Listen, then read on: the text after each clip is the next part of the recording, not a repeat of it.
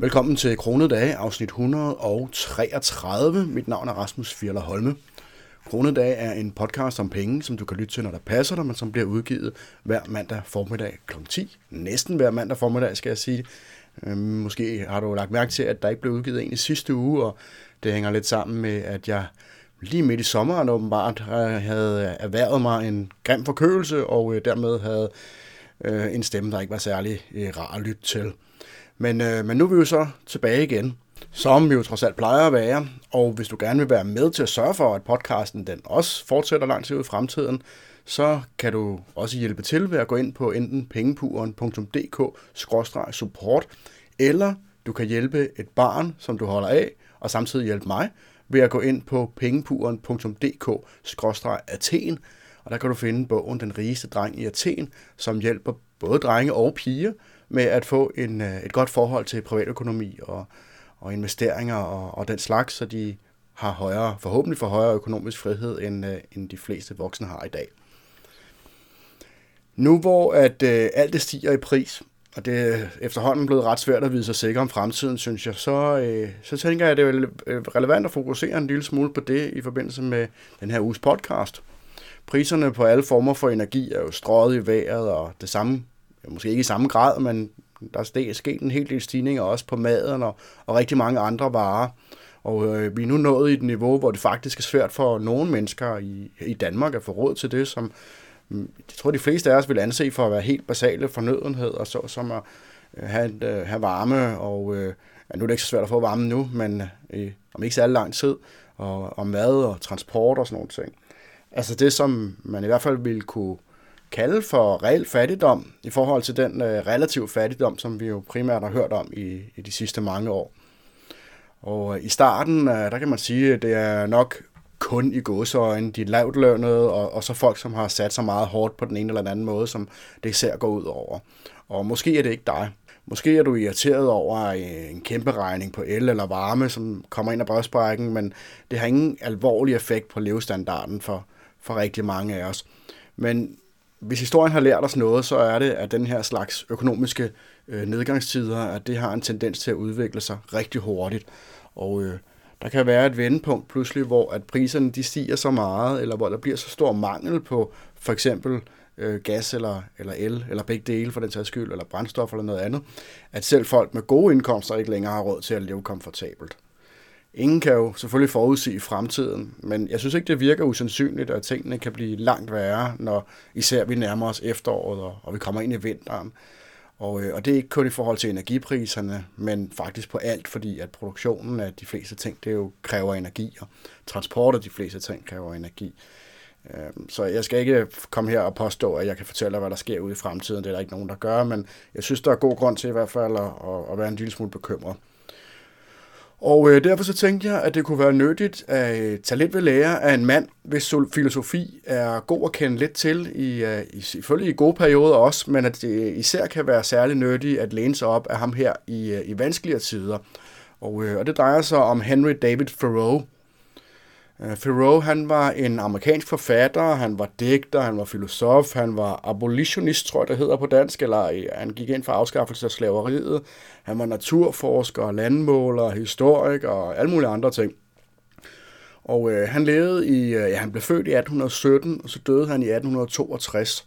Så det er nogle år siden efterhånden over i, i USA.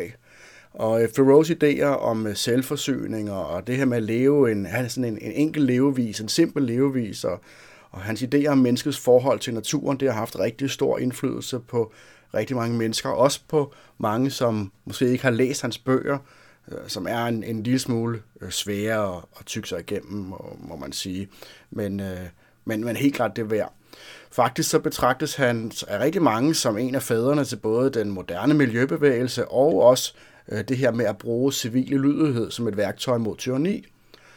Og øh, Thoreau han er bedst kendt for sin bog, som hedder Walden, eller i virkeligheden hedder den Walden og Life in the Woods, som handler om hans erfaring med at bo i en lille bitte hytte på, jeg tror, 12 kvadratmeter eller sådan noget, i en øh, skov nær en, øh, en sø, der hedder Walden Pond. Han skrev også et essay, som havde titlen Civil ulydighed, eller Civil Disobedience, som er et argument for individuel modstand mod retfærdige love. Som relativt ung, der blev Thoreau venner med filosofen Ralph Waldo Emerson, som de fleste i hvert fald har hørt lidt om. Øh, og han introducerede, introducerede ham for det, der hedder transcendentialisme, tror jeg. Transcendentialisme er ikke noget, jeg kender så voldsomt meget til, men det er en filosofi, som lægger meget mere vægt på det spirituelle, i stedet for det materielle. Og, øh, og ikke når jeg siger spirituelt, så er det ikke kun en religiøsitet og sådan nogle ting. Det er også det, som man måske i dag vil kalde for psykologi og forstå sig selv og sådan nogle ting. Og den her introduktion, den gav Thoreau nogle universelle principper og sådan nogle, nogle måder at sætte idéer i system, som allerede matchede med hans egen tankegang i forhold til, hvordan han levede livet der, da han, øh, han var yngre.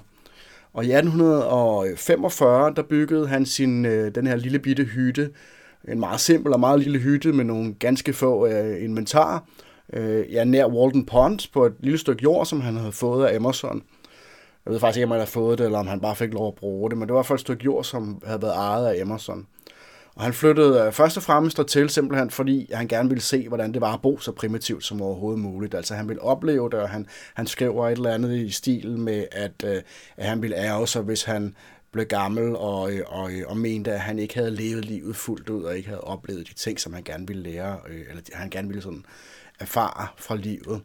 Og, og der boede han så i to år, hvor han dyrkede en stor del af sin egen mad, og, og så lavede han nogle småjobs for at betale for andre fornødenheder. Og så skrev han ellers lystigt på sin bog, mens han, øh, han sad der. Og i den her hytte, der opdagede han, at et øh, simpelt liv, eller det som mange måske i dag ville kalde for minimalisme, at det ikke kun var muligt eller tåligt, eller noget man sådan kunne overleve, hvis det var dybt nødvendigt, men også noget, som han fandt er dybt tilfredsstillende. Han konstaterede, at de ting, som samfundet ofte kalder for livsfornødenheder eller needs, at det ofte er i reelt luksusvarer, som ikke skaber en indre tilfredshed ved, at man erhverver sig det. Faktisk så skriver han, at mange af de her ting, det fjerner fokus fra de vigtige ting i tilværelsen. Og især øh, nævner han også mange af de her teknologiske hjælpemidler og gadgets, og at det hedder nok ikke på det tidspunkt, men, men den her teknologiske udvikling, som jo øh, virkelig tog fat på det tidspunkt i, i midten af 1800-tallet og, og frem, at, øh, at de var, at de, de, de gjorde nogle gange tingene nemmere og hurtigere, men hvis man sådan kiggede lidt på, hvilken omkostning det også havde for, at, at man kunne leve et, et liv i fokus, jamen så mente han, at det ikke var en positiv ting. Og jeg synes godt, man kan argumentere for, at den her kritik, den ikke er blevet mindre relevant i dag, end den var, da Thoreau han skrev det for ja, lidt over 150 år siden. I dag, der må man sige, at gadgets og, og, og teknologi, at det i meget høj grad optager vores tid og, og også tager vores opmærksomhed og at det meget ofte bliver brugt som en form for eskapisme, som ligesom forhindrer os i, eller afholder os fra at lære os selv bedre at kende, eller at fokusere på at løse vores problemer. Hvis så sidder man og ser øh, en eller anden Netflix-film, i stedet for at, øh, at rent faktisk tage hånd om, om de ting, der er vigtige i tilværelsen. Men øh, hvad er det så, at Thoreaus tilgang til livet, eller hans filosofi, om man så må sige, kan lære os omkring penge? Thoreaus syn på penge, det blev formet ret tidligt, allerede fra hans ungdom, af hans øh, opvækst i en familie med ret beskedne midler. De var ikke dybt fattige, øh, men de var nok det, man ville kalde øh, lavere middelklasse eller noget af den stil. Og han mente, at, øh, at folk ikke skulle stræbe efter rigdom, men i stedet skulle de fokusere på at leve det her enkle liv og, og et mere meningsfuldt liv. Og som han skrev, den som er rig har de billigste fornøjelser. For ham der var øh, økonomisk uafhængighed og selvforsyning, det var helt afgørende for det gode liv. Uafhængighed fra samfundet, men især også uafhængighed fra staten. Og det betød ikke, at øh, han mente, at vi skulle leve isoleret, og vi skulle sidde sådan i en isoleret hytte og være bitre som en eller anden anden Ted Kaczynski eller noget andet, eller at øh, vi aldrig skal handle med omverdenen. Faktisk så, da han boede i den her hytte, der vandrede han næsten dagligt ind til byen for at besøge venner og familier og købe forsyninger og den slags øh, og interagere med, med omverdenen. Men det drejede sig for ham om at være fri til at omgås andre på lige fod, og fri til at følge sin egen samvittighed, hvis der opstod noget, som ligesom kom på tværs af, af ens egne principper. Og så også for fri til at forfølge det, som er vigtigt for en selv, uden at der er andre, der blander sig. Så man kan sige, at Thoreau var ikke modstander af penge. Faktisk så argumenterede han tværtimod for det modsatte. Og han mente, at folk de skulle være meget bevidste om, hvordan de bruger deres penge, og at de kun bør bruge dem på ting, som virkelig er vigtige for dem. Og, øh, og det gjorde han også selv, kan man sige. For eksempel så holdt han meget nøje regnskab med sine udgifter, øh, og derfor så ved vi for eksempel også, hvor mange penge han brugte på sin hytte. 28 dollars. Jeg er ikke sikker på, hvor meget det er i dag, men, men, men det har heller ikke været nogen kæmpe formue. Øhm, citatet, The price of anything is the amount of life you exchange for it immediately or in the long run, er, tror jeg, ret velkendt i mange forskellige formuleringer, men øh, det stammer i virkeligheden fra Thoreau, Altså det, som vi i dag ligger til grund for den måde, som vi, eller mange af os pengenørder, vi meget ofte anskuer prisen på et produkt. Altså det her med, at hvis en cykel den koster 6.000 kroner, og du tjener 150 kroner i timen udbetalt efter skat, jamen så koster cyklen der faktisk 40 timers arbejde, eller 40 timer af dit liv. Og det vil med andre ord sige, at vi skal være forsigtige med, hvad vi bruger vores penge på, fordi at vores tid på jorden jo er begrænset og kostbar. Og hver gang, at vi køber et eller andet, jamen så veksler vi vores tid her på jorden med en eller anden form for produkt. Og i samme sætning, det her med in the long run, der argumenterer han også for, at vi skal være forsigtige med langsigtede omkostninger og som jo selvfølgelig kan være sådan noget som gæld, men det kunne også være alternativomkostninger, altså omkostningerne ved, at man har en handling, og når man gør en handling, så udelukker det andre alternative handlinger. Så man skal tænke sig godt om i forhold til, hvad man gør, øh, hvordan man agerer, og også øh, i forbindelse med sin brug af penge. Øh, Thoreau han mente, at øh, arbejde det bør være noget, man, øh, noget, som er tilfredsstillende, og ikke kun for pengene, men også giver en tilfredsstillelse i sig, i sig selv, og også er i, i tråd med ens egne sådan moralske principper. For eksempel så skrev han et relativt velkendt citat, at de fleste mennesker lever et liv i stille desperation, og det var jo under henvisning til det faktum, at rigtig mange mennesker de udfører et arbejde, som de hader, for at de bare kan få enderne til at mødes. Og, øh, og for Thoreau, der burde et arbejde være noget, som vi nyder at gøre, og noget, som, som sagt giver mening for os. Og, øh, og det mener jeg bestemt er lige så relevant i dag i vores øh, forbrugskultur, der er det ret let at blive fanget i, i det her velkendte hamsterhjul og øh, arbejde rigtig mange timer for at betale for ting, som vi egentlig ikke har brug for. Eller måske have et arbejde med noget, som vi enten ikke øh, finder meningsfuldt, måske endda har moralske udfordringer med, eller bare finder kedeligt igen for at, at kunne betale for at, at deltage i forbrugskulturen. Fordelen for os, kan man sige, det er, at rigtig mange i hans tid ikke rigtig havde noget andet valg. Han øh, var jo intelligent, og han fik jo også noget hjælp af Emerson, og, og han havde ligesom nogle fordele, som mange andre ikke havde. Øh, men for rigtig mange mennesker, der var dengang, der var jo der var det enten, at man arbejdede 12 eller 16 timer i døgnet for at øh, undgå at gå sulten i seng. Men i dag, der har vi jo rigtig mange flere muligheder, og vi kan meget ofte finde et arbejde, som er både meningsfuldt og tilfredsstillende og i tråd med vores moralske kompas, også selvom det ikke nødvendigvis er lige så godt betalt som alternativerne. Så derfor så har vi nogle, nogle fordele, som, øh, som mange af dem, han måske skrev til dengang, ikke havde. Og, øh, og ja, det er selvfølgelig ikke nemt at få enderne til at mødes altid. Især hvis man tidligere har bundet sig til forpligtelser ved at for eksempel påtage sig dyr gæld, eller man har en, en dyr bolig, eller et eller andet andet. Eller når for eksempel energipriserne eksploderer. Og, øh, og det betyder jo så også, at rigtig mange mennesker, også i dagens Danmark, er nødt til at arbejde mange timer, øh, eller i hvert fald i et job, som de ikke elsker.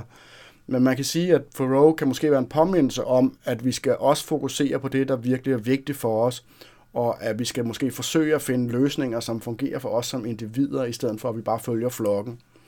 Øh, og det gælder jo selvfølgelig især det her med forbrugskulturen, men det kunne også være noget om, hvad der forventes af os af, af indtægt, eller hvad der forventes af os af, af karrierevej og sådan nogle ting. En anden, synes jeg, meget vigtig pointe øh, fra Walden, eller generelt fra Thoreaus skriverier, det er det her med integritet. At man kan sælge integritet, men man kan ikke købe det. Og vores integritet, det er det vigtigste, vi har. Det, som Thoreau siger, som vel også er meget logisk, det er, at vi er moralsk forpligtet til at overholde vores egen samvittighed, også når det koster på pengepunkten, eller social status, eller komfort, eller på andre måder er ubehageligt.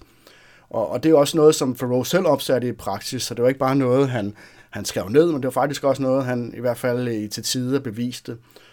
På trods af sin relativt fattige opvækst, jamen, så blev han optaget på Harvard University, og han var altså uden tvivl, som sagt, yderst øh, intelligent, og han kunne sagtens have fået økonomisk succes og, og kommet langt i, på sådan den standard succesformlen. Øh, Øhm, men i stedet for så valgte han at leve et meget mere simpelt liv, hvor han skrev og filosoferede og, og lavede mindre jobs, og, og, og ofte også jobs, som var øh, sådan mere øh, med hånden eller ud og lave et relativt hårdt arbejde.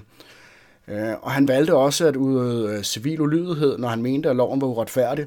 Han nægtede for eksempel at betale skat, fordi han var uenig i statens politik omkring slaveri og, øh, og deres engagement i den øh, meksikanske-amerikanske krig.